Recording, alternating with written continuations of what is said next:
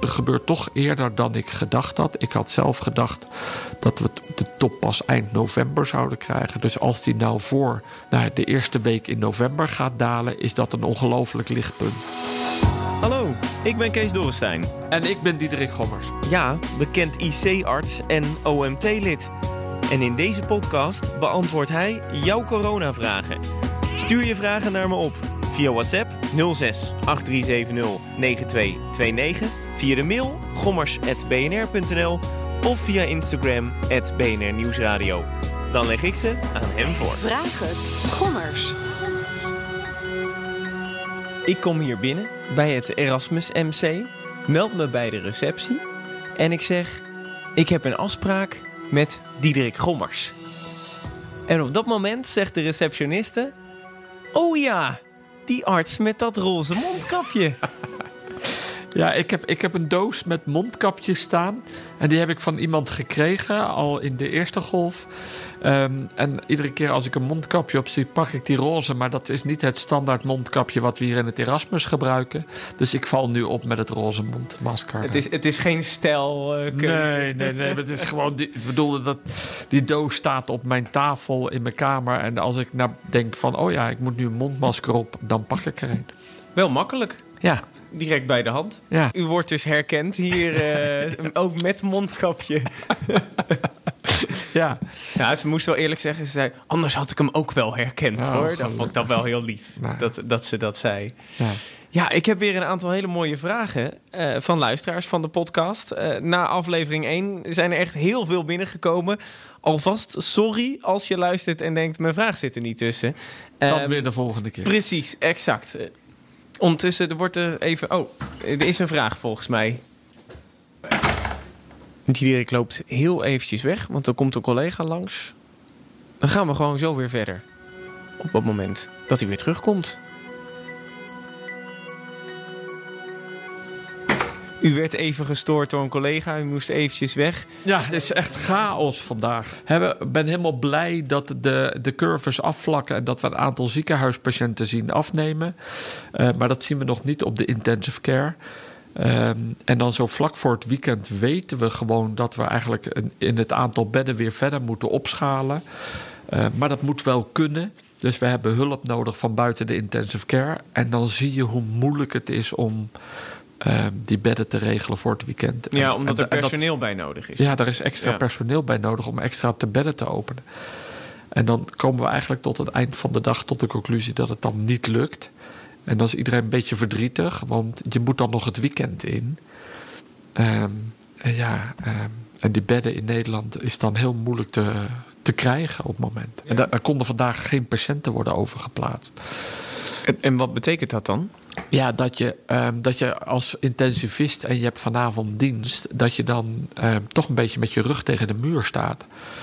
Eh, en dat is ook dat we eigenlijk nog wel spoedoverleggen en ongelooflijk veel getelefoneerd hebben van.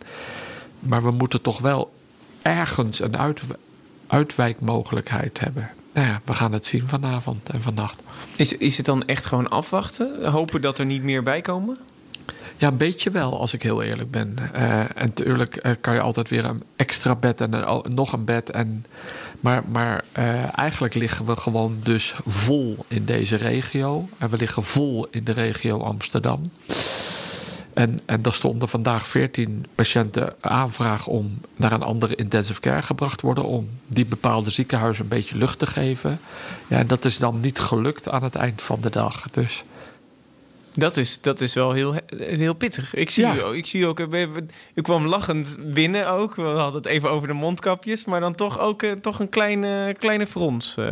Ja, omdat je ook realiseert dat er vandaag ook een slechte patiënt binnengebracht is in het Erasmus die op de nominatie staat voor een levertransplantatie. Ehm, en als die lever vannacht komt, dan hebben we het. Dan hoop je wel dat er op dat moment nog een bed is. Eh, als die operatie klaar is, dat je die patiënt kan opvangen. Dus ik hoop eigenlijk dat we morgenochtend wel weer personeel gevonden hebben om toch een paar bedden te openen, dat je ook die zorg kan blijven leveren. En vandaar dat u af en toe eventjes... Nou, mocht er een hapering zitten in de podcast... Ja, wordt u dan- even eh, gestoord. Maar dan is het voor een goede zaak. Om Absoluut, absoluut. Jeetje, dat is heftig. Dat, Ja. dat is echt dat je een beetje met, de- met de rug tegen de muur staat... en eh, dat u niks kunt doen, eigenlijk. Nee, maar dat is niet alleen ik. Hè. Bedoel, dat, eh, dat speelt dus ehm, bij heel veel intensivisten de afgelopen week. Dat we het echt zwaar hebben. En dat is ook ja, waarom het af en toe het, ehm, het water tot aan je lippen staat. Maar vooral als je dan in de avond en nacht hebt en je weet dat je vol ligt. En er is altijd een risico dat er een patiënt in jouw ziekenhuis onderuit gaat. Of ineens bij de eerste hulp staat. Ja, dan, dat zijn gevoelens die je eigenlijk niet wil hebben, snap je? Ik bedoel, zorgen voor mensen is absoluut een mooi vak. Maar zorgen voor mensen waar je eigenlijk niet de goede kwaliteit kan leveren of waar je je niet comfortabel voelt, dan wordt het heel erg een spanningsveld. En dan word je eigenlijk word je makkelijk emotioneel. Hoe, hoe merkt u dat dan? Is het dan thuis een, een traan wegpinken? Of Nou, niet zozeer ikzelf, maar je merkt dan dat collega's bellen en dat ze echt over de rode zijn. Nou, Dat mensen echt heel boos kunnen worden en dat dit toch niet kan. Dus je, je krijgt dan collega's aan de lijn die, die zeggen: jongens, maar dit kan toch niet wat, er, wat we nu aan het doen zijn met elkaar. En, dat en, Maar dat, hoe- en dat is maar het spel. Hoe bedoelt u dan wat we, wat we aan het doen zijn met elkaar? Nou ja, dat je, dat je die patiënten niet kwijt kan. En, en daar is, er is een tekort aan eh, personeel. Er zijn meer zieken. Maar dat, wat er op dat moment geen IC-bed te vinden is, als die collega daar behoefte aan heeft, dat is dan, maakt het voor die collega ongelooflijk zwaar. Dan is het op dat moment ook de passie van het, eh, het verzorgen van mensen dat dan naar boven komt als het ware. Van Ja, ik kan nu ja. niet 100% voor al die mensen zorgen. Ja, en dat is wat je voelt, wat, je, wat extra hard binnenkomt. eh. En wat zegt u dan tegen die mensen, de collega's? Nou ja, wat ik, wat ik dadelijk hè, om zes uur spreken we alle intensivisten weer om terug te kijken op de afgelopen week. Maar afgelopen week eh, zijn er wel emoties geweest. En, en wij moeten wel inhoudelijk bij elkaar blijven. En we moeten zeker niet boos op elkaar worden. Maar je, je merkt wel ehm, dat, dat die oplossingen gevonden moeten worden. En, en dat is passen en meten in de ziekenhuizen. Maar is het dan eh, passen en meten met eh, de bedden en het personeel hier in het Erasmus MC? Of echt ook passen en meten met de ziekenhuizen in de buurt en een beetje schuiven? Over heel Nederland. Want het is, het is natuurlijk, als je, als je de IC wil, lege bedden wil maken of creëren, heb je extra personeel nodig van je gewone afdeling. En die moet je kunnen afschalen. En dat betekent dat je daar dus ook zorg die je eigenlijk wil leveren, tegen die mensen moet zeggen: ja, u kunt volgende week of u kunt vanavond niet. En dat Snap- vinden die collega's natuurlijk ook niet fijn. Nee, en dat, en dat is, het, dat is de, de continue overleggen die je met elkaar hebt. Dus jij moet als intensivist goed kunnen uitleggen dat je extra bedden nodig hebt. En de andere heeft, moet goed kunnen uitleggen waarom hij niet kan afschalen. Dus waarom hij niet bedden kan sluiten, zodat hij verpleegkundigen kan vrijspelen. Ik pak er direct een vraag bij, want die, die sluit hier wel een beetje bij aan. Clarissa die zegt namelijk: moeten mensen ehm, bijvoorbeeld met kanker die geopereerd moeten worden, nu wachten omdat de ziekenhuizen vol liggen? En hoe ervaart u dat? Nee, op dit moment zijn we wel afgeschaald. Ik, gemiddeld ongeveer 25% over heel Nederland. En dat kan het ene ziekenhuis wat meer zijn en het andere ziekenhuis wat minder. Maar dat betekent dat alle operaties die binnen zes weken normaal gedaan moeten worden, die vinden nu ook plaats. Dus alleen maar operaties die je langer kan uitstellen zonder negatieve gevolgen voor patiënten, die worden nu uitgesteld. En dat kan dan nog. Maar als deze operatie voor die kankerpatiënt echt binnen zes weken moet, omdat dat goede zorg is, dan gebeurt dat, dat op het moment. Dan, dan gebeurt dat altijd. ja, En dat gaat dan ten koste van de planbare zorg waar je die, wat die, langer op die kan je wachten. langer kunt uitstellen. Want eh, soms hoor je nog wel de gedachte van eh, dat mensen dan zeggen bijvoorbeeld: ja, iemand die is onzorgvuldig geweest, heeft corona gekregen, moet nu naar de IC, hoe spijtig dat ook is, maar dat kost wel een, een bed van een kankerpatiënt bijvoorbeeld. Nou ja, maar dat is ook wat, je, wat we elkaar, met elkaar goed moeten realiseren. Wat dus de consequentie is. Het is niet alleen maar het COVID, maar door de COVID dat er extra patiënten naar de ziekenhuizen komt en daarmee duw je eigenlijk, of stel je eigenlijk de gewone zorg uit. En die is heel essentieel voor die mensen. Ja, maar als het echt spoedzorg is, eh, iemand die moet nu geopereerd worden, want anders eh, wordt zijn levensverwachting gewoon kleiner, dan gebeurt dat dus Ja, wel. ja. En dan moet je wel kijken eh, hè, dat sommige ziekenhuizen liggen misschien heel erg vol. Dat je misschien die spoedzorg die je normaal in het Erasmus zou kunnen doen, die word je nu verplaatst naar een ander ziekenhuis. Maar in principe moet de spoedzorg, eh, kan in Nederland nu gewoon plaatsvinden. Ja, dus het is in ieder geval voor de vraag van Clarissa, het is niet direct van een COVID-patiënt heeft eh, voorrang. Er wordt gewoon Nee. gekeken naar, Nee, de, naar de spoed. niet. Zeker niet. Inderdaad. Die, de- de- die spoedzorg die wordt dus uitgesteld. Hoe lang gaat het duren voordat we dat uiteindelijk weer hebben ingehaald? Want we, we hebben nu nog niet eens de, het aantal ingehaald van de vorige golf, heb ik gehoord. Nee, en, dat, en, dat, en daarom hadden we ook zo goede plannen gemaakt. En daarom was het ook zo belangrijk eh, dat we die reguliere zorg zo eh, hè, laat zouden afschalen. Maar daar hebben we nu, hè, mijn dag zoals vandaag, weer last van. Want die IC-bedden hebben we nu nodig. Maar die reguliere zorg wilden we trager afschalen. En daardoor komt er wel een spanningsveld. Eh, ja, en het moet nu. Dus nu moeten we eh, die 25% van die reguliere zorg echt afschalen. Want we hebben die capaciteit nodig voor de intensive care. En hoe lang duurt het voordat we dat dan allemaal weer hebben weggewerkt? Nou ja, we zagen in de, na de eerste golf dat dat lang duurde. En we zagen eigenlijk nu dat de tweede golf begonnen was. dat het nog niet op de 100 normale niveau was. Ehm, ja, dus dat betekent nu tweede golf eroverheen. Ja, ik ben daar geen expert in. Maar ehm, ja, dat gaat absoluut consequenties Ja, hebben. En hoe precies, ja, dat moeten anderen ehm, gaan, aan, eh, gaan berekenen. Daar zullen we volgend jaar waarschijnlijk nogal mee eh, te maken hebben Ja. dan. Dat denk ik absoluut. Want de wachtlijsten die, die lopen verder op. Ehm, volgende vraag. Vraag nummer twee. Van ehm, Raina. Ehm, ja, misschien toch een wat positievere. Welke tips heeft u wat betreft onze levensstijl... om mensen juist van de IC af te houden? Want dat is natuurlijk goed. Ja. Nou, kijk, wat heel belangrijk is, is dat je ziet dat er hoog risicofactoren zijn: eh, hoge bloeddruk, suikerziekte en, en overgewicht. En overgewicht betekent echt als je een BMI hebt boven de 25, maar nog erger boven de 30. Wat ik gehoord heb van de collega hier uit het Erasmus, die deskundig is in eh, obesitas, dus mensen met overgewicht, dat het helpt om eh 5% of 10% af te vallen. Want dan krijg je een stukje van je afweer wordt weer beter. En die afweer, een goede afweerfunctie, heb je nodig om geen COVID te krijgen of dat het lichaam het sneller afbreekt. Nou, dat ik gevaar een beetje op haar advies.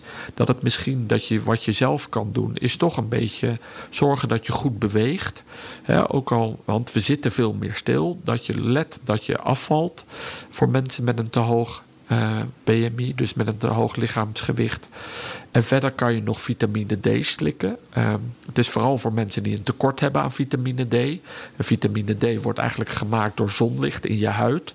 Maar er is nu niet zoveel zon, dus vitamine D slikken helpt misschien een beetje.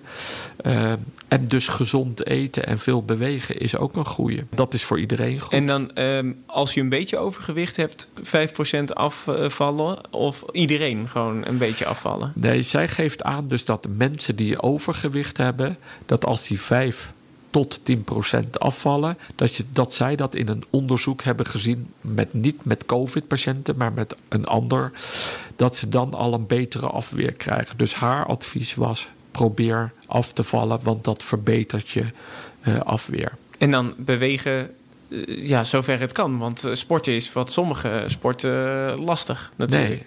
Maar je moet je dus wel, hè, als we nu veel binnen zitten en je weinig beweegt, bestaat ook wel de neiging om wat meer te snoepen.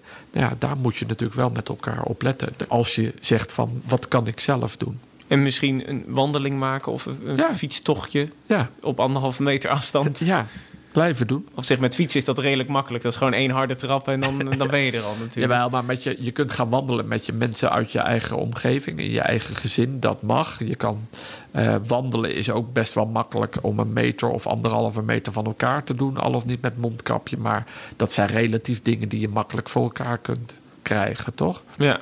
En niet te veel snoepen. Absoluut. Hoe zit dat met u? Wat doet ja, u ik ben om niet zo te blijven? Dus ik kan heel makkelijk ehm iets No- nooit als kind stiekem op de bovenste plank extra nou ja, wel als kind, maar nu, ik ben niet, niet zo'n zoete kouwer. Waar ik last van heb, is het ehm, eind van de dag thuiskomen. En dan eigenlijk, eh, wat ik al vaak gezegd heb, dan vind ik het wel leuk om met elkaar samen te zitten. En dan hartige dingen te eten. Dus ik ben eigenlijk meer een chipseter. Ja. Maar ja, is ook niet goed. Nee, eh, alles met mate, toch? Ja, dat, ja. Is, dat is het. Heb ik altijd geleerd, dat zeiden mijn ouders altijd. Het mag wel, maar niet te veel. Ja. Dus blijf van de bovenste plank af. Vraag het. Gommers. Gommers. Gommers. Vraag nummer drie van Hein. Ehm, is er een methode om het virus definitief te vernietigen? Wat er gebeurd is, is als wij of alle mensen antistoffen hebben. Want wat een virus eh, nodig heeft, die heeft een gastheercel nodig. Dus hij moet in een levend wezen, de mens of een dier. En dan kan die indringen in de cel. En daar kan die zich vermenigvuldigen. Als hij dus niet kan indringen in de cel omdat hij gelijk wordt aangepakt, omdat gelijk de afweer wat, kan hij zich niet vermenigvuldigen. Dan betekent dat je het aantal virusdeeltjes wordt op een gegeven moment zo laag, omdat hij geen mensen of dieren meer kan vinden waar hij zich in kan vermenigvuldigen. En daar gaat het uiteindelijk. En dan dooft het virus zich uit. Hè, dan, als er te veel mensen vaccin of als te veel mensen zijn geïnfecteerd, dan komt hij af en toe nog een- iemand tegen het virus waar die in kan vermenigvuldigen. Maar diegene kan het niet doorgeven aan degene om hem heen, want die zijn mensen hebben allemaal antistoffen. Dus als die persoon genezen is, dan dooft hij daar ook uit. Ja. En dus uiteindelijk zeggen we hè, met dat mooie reproductiegetal, als dat reproductiegetal onder de 0,3 is, geloof ik, wat ik van de infectiologen had, dan dooft zo'n virus eigenlijk uit. Is het dan helemaal van de aardbodem verdwenen? Nee, het komt dan nog wel voor. Maar ja, als wij antistoffen hebben tegen het huidige virus, dan zijn we beschermd. Gaat dat virus toch weer een beetje veranderen, omdat het in het dierenrijk misschien voorkomt, ja, dan zou je er straks weer over een aantal jaar weer last van kunnen krijgen, omdat je dan je eigen antistoffen net niet helemaal hetzelfde zijn als het nieuwe virus. Maar dat zie je eigenlijk ook bij griep.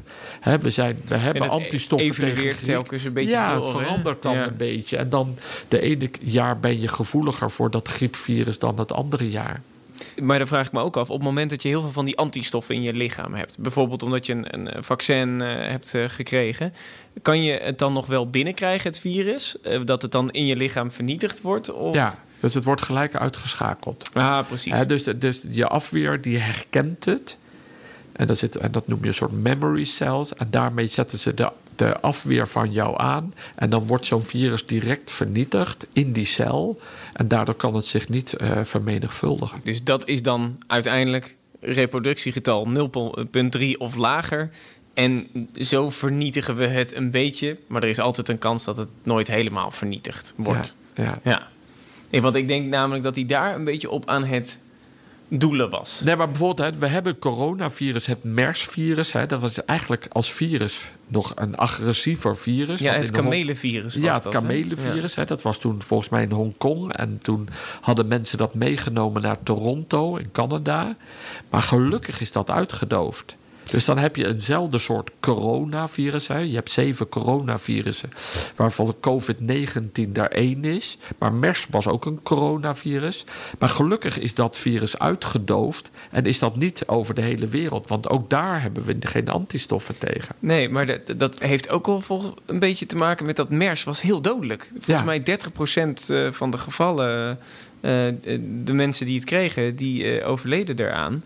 Eh, dus eh, ja, zo dooft het natuurlijk ook uit. Op het moment dat de persoon direct sterft, dan kan hij niet iemand anders besmetten. Hoe cru, Ja, zo had ik er nog dat niet over is. nagedacht. eh. Ja, Ja. dat is niet, niet prettig, maar dat heeft, heeft zo zijn ja, voordelen, om het maar zo te zeggen. Vraag nummer 4 van Sander over spatschermen. Ehm, hij zegt: Spatschermen zijn in Oostenrijk en in delen van Zwitserland verboden omdat ze het virus niet goed zouden tegenhouden. Werken die spatschermen wel? Eh, en zo nee, moeten we ze dan niet verbieden? Ja, kijk, eh, een, een eh, mondmasker, mondneusmasker, als zoals het zo mooi heet. Hè, dat bij je neus kun je met dat metaaltje wat erin zit goed die vorm van jouw neus aanpassen. En die zit dan beter tegen je lichaam aan. Of tegen je gezicht aan. En dat betekent dat het virus of de uitademingslucht is beter afgeschermd. Zowel voor het inademen als voor het uitademen. Zo'n spatscherm, die zit een stukje drie centimeter van je gezicht af. En die zit aan de zijkant is die open en aan de onderkant is die open. Dat betekent dat het virus van de zijkant en van de onderkant naar binnen kan. Of als jij zelf uitademt, kan het daar ook langs. Als die deeltjes uh, licht zijn, hè, die aerosolen, en jij bent met een spatscherm virusdrager, dan kun je dus wel kleine deeltjes daarvan in. Die grote dikke spatten, die blijven aan de binnenkant van het scherm hangen. Dus ik ben het wel met hem eens dat het minder goed is dan een goed mondmasker, een medisch mondmasker. Maar het, is, het helpt allemaal een beetje. En, en, en die, die, die schermen zijn vooral bedoeld voor die mensen die geen handelingen doet waar je, waar je veel contact hebt met patiënten of met mensen met het virus, waarvan je het weet. Dus dat is eigenlijk de bedoeling van die, van die schermen. Dat het ook fijner is om mee te werken. Maar dat als er iemand onverhoopt in jouw gezicht heeft gehoest, gepraat of druppeltjes met virus, dat die dan voor jouw scherm blijft hangen. En dat je daarmee minder risico hebt gehad dat je het binnen kreeg. Ik eh, las ook in een onderzoek daarover dat mensen die dan zo'n spatscherm voor hun hele gezicht hebben, uh, dat het vooral zal helpen op het moment dat je iemand zou ontmoeten die het heeft. Dus dat je het niet zelf hebt, maar dat als die richting je hoest, dat het dan wel veel zou tegenhouden. Omdat het ook niet in je ogen zou kunnen komen. Nee, heel goed. Ja, absoluut. En maar dan denk ik ook, eh, eh, je ziet het wel eens bij kappers. Sommige kappers dragen een mondkapje, sommige zo'n scherm. Maar ja, zo'n kapper die hangt echt boven je. Is het dan op het moment dat je wat meer een contactberoep hebt, dat het dan handiger is om een mondkapje uh, te dragen? Ja, eigenlijk, eigenlijk zou ik wel. Uh, hè, als je zo om de, eh, de patiënt heen en heel dichterbij moet om die haren te knippen. Uh, ja, ik, ik zou me kunnen voorstellen dat de mondmasker beter is. Je zou maar ik heb het niet uitgezocht. Dus ik, dat zou je eigenlijk. Ik weet niet precies. Dan moeten we de onderzoeken ja, er even zouden we, op, ja, zouden we eigenlijk even onder moeten uitzoeken of dat echt zo is. Ja, nou ja ik zag. Ik, de, de Volkskrant had er een artikel over. Die had er een paar onderzoeken ingehaald. En daar bleek wel uit, ook Nederlandse onderzoeken waar ze getest hadden, dat een, spatscherm houdt ook wat tegen, maar dan weer minder dan ook de niet-medische mondkapjes. Uh, maar uiteindelijk die hele kleine druppels, die komen door alles uh, heen. Dat is het. Dat is het ook een beetje. Nee, dan moet je de echte FFP3-maskers, die in laboratoria. Maar dan word je zo benauwd als je die opzet. Dus ja, en die zijn ook voor de zorg, toch? dat is een beetje de afspraak. Absoluut. Oké, dus wat dat betreft, alle beetjes helpen uh, voor, uh, voor Sander. En uh, pak de onderzoeken erbij wat betreft de bescherming en kies wat voor jou het beste uh, Ja, maar we hebben het vooral, en dat is waar we nu in zitten, alle dingetjes helpen. Maar het is niet dat één iets perfect helpt en dan kun je je tot dat ene beperken, snap je? Uh, en dus als jij de hele dag moet werken, maar je, je mondmasker, dan krijg je te weinig of dan word je benauwd. Ja, dan kan me best voorstellen dat jij kiest voor zo'n scherm uh, zo'n face mask. Um, ja, en dat is het misschien niet het beste, maar voor jou werkt dat het beste. En dan hou je het ook langer vol. He, andere mensen met mondmaskers zitten heel veel met hun handen eraan. Daar hebben we het vorige keer over gehad. Ja, dan heb je ook risico. Want die maskers die zijn niet 100% dicht voor het virus. Dus dan krijg je het makkelijk aan je vingers. En als je daarmee weer aan je schaar zit of aan mensen, dat is ook niet ideaal. Dus het is zoeken naar wat voor jou het beste werkt. En het is een combinatie. Hè. Het gaat om de basisregels en andere dingen daarbij. Tim, dat is een uh, dertiger, die heeft vraag 5 uh, voor u. Hij zegt: Is een beleid dat stuurt op het verminderen van sociaal contact ook niet ongezond, zoals we nu zitten in een soort van uh, gedeeltelijke lockdown? Ik heb mij namelijk als 30-plusser uh, bijzonder eenzaam gevoeld dit jaar. Geeft dat ook niet schade aan jonge generaties? Ja. Ik ben daar geen expert in, maar ik kan me wel voorstellen dat je heel somber wordt en eigenlijk geïsoleerd. En dat je dus kunt voorstellen dat we dan, als dit voorbij is, dat we wel meer mensen hebben die daar last van hebben. Dat je het nog een keer gaat herbeleven. Dus het is wel heel belangrijk dat je wel mensen om je heen zoekt waar je voldoende contact mee hebt en waar je verhaal kwijt kan. En toevallig was ik van de week in gesprek met Delftse studenten. En die zijn nu ook weer aan het kijken of ze toch niet in uh, bepaalde uh, musea of bepaalde uh, kroegen of restaurants toch zo kunnen inrichten dat ze veilig kunnen studeren. Maar wel op anderhalve meter, maar wel wat een beetje sociaal. Omdat alleen maar op je kamer in je eentje en als je dan niemand ziet, dat is toch wel heel vervelend. En niet zo vervelend, dat is misschien wel echt slecht voor je. Uh, We dus zijn toch groepsdieren, hè? Ja, eigenlijk. dus ik vond dat eigenlijk wel een heel mooi initiatief. Dus zij zijn bezig met allerlei mensen die daarbij betrokken zijn om te kijken of je oplossingen kunt verzinnen. Dat je wel voldoet aan de basisregels en dat je zorgt dat je het virus niet verspreidt, maar dat je ook oplossingen zoekt hoe je meer sociaal contact hebt met elkaar. Betekent wel dat als je dat binnenin goed afspreekt, dat je niet naar buiten loopt en dat je dan ineens zonder mondmasker binnen anderhalve meter van elkaar staat. Het gaat om het totaalpakket, snap je? Dus, en dat is moeilijk. Maar ik ben het helemaal met, met de vragensteller eens dat het gedrag en dat de invloed van dit wat er allemaal gebeurt, dat dat wel eens hele grote gevolgen kan hebben. En daarom is het zo belangrijk dat we met elkaar in gesprek blijven en ook zorgen dat we weer zo snel mogelijk van dit virus af zijn. Maar het lijkt me ook heel lastig. Dit kan je eigenlijk pas onderzoeken, lijkt mij. Maar ik ben dan weer geen onderzoeker. Nadat deze crisis voorbij is, wat dan de gevolgen zijn. Want dit zijn volgens mij veel meer lange termijn gevolgen dan dat je dat je na een week eh, in je eentje eh, thuis zit, dat je in één keer al enorme sociale gevolgen. Ja, maar wat je natuurlijk wel. Kijk, wat we eigenlijk af, wat we afgesproken hebben, is dat je moet proberen niet iedere keer of iedere dag of iedere week andere mensen te ontmoeten. Je zou eigenlijk met jezelf moeten afspreken: is er een clubje mensen van 10, 12, waarmee ik probeer contact te hebben? En dat is eigenlijk mijn maximum. Snap je? Je moet eigenlijk zorgen dat je niet je vriendenkring te groot is en dat je daar contact mee hebt. Uh, het kunnen je ouders zijn, je broers of je zussen en dan een paar vrienden. Maar dan wel zorgt dat je met die mensen in gesprek blijft en dat je zorgt dat jij ook jouw uh, frustraties wel benoemt. Hè? Bedoel, want we hebben ze allemaal en we zijn allemaal een beetje somber. En dan helpt dit weer op het moment met al die regen en die grijze wolken daar ook niet bij. Dus je moet wel ook op elkaar letten. Je moet ook echt letten of iemand zich niet te veel teruggetrokken voelt en dat hij zegt: Ja, het gaat goed met maar ik zit alleen thuis. Dat klopt niet. We, we zijn precies wat jij zei. We zijn gezelschapsdieren, we zijn kuddedieren. En je hebt gewoon aandacht nodig. En ook af en toe een schouderklopje of gewoon een luisterend oor. Dat je gewoon je verhaal kwijt kan. En het is heel normaal dat als we zo weinig vooruitzicht hebben met zoveel onzekerheid, dat je daar somber van wordt. Ik bedoel, eigenlijk heb, hebben we gewoon perspectief nodig. Um, maar ja, uh, die hebben we even op het moment niet. Uh, nee. Dan sluit dat heel goed aan bij de laatste vraag. Uh, van Jitske. Uh, zij schrijft: Hallo Diederik. Heeft u een lichtpuntje voor ons in deze crisis? Dat kan ja. ik wel gebruiken. ja, ja absoluut. Dat, dat hebben we ook gewoon nodig. Nou, ik ben echt blij. Hè. Het is vandaag 30 oktober. Dat we nu drie dagen lang geen toenames meer zien in de ziekenhuisopnames. Dus ik, als dit dit weekend goed gaat, zou het toch echt misschien een teken kunnen zijn dat de curve aan het afvlakken is. Um, en, dat we, en dat we daadwerkelijk misschien de besmettingen weer zien dalen. Nou, dat vind ik voor mij een ongelooflijk groot lichtpunt.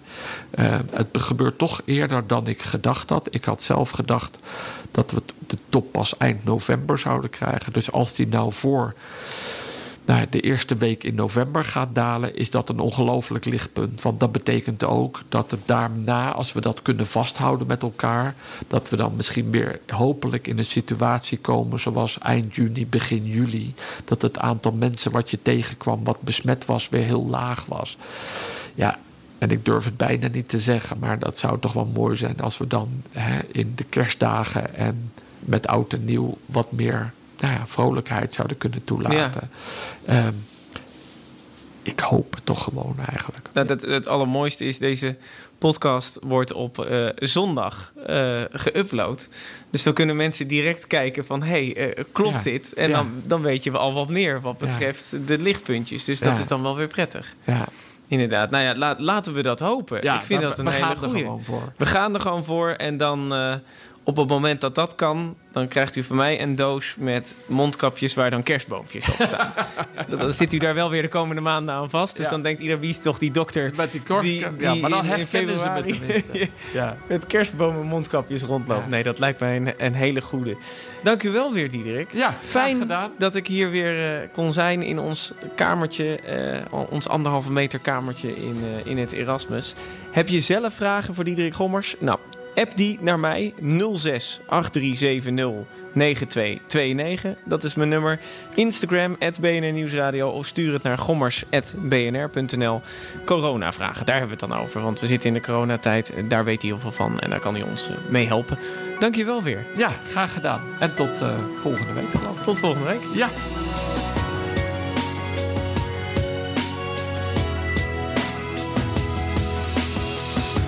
Vraag het. Gommers. Gommers.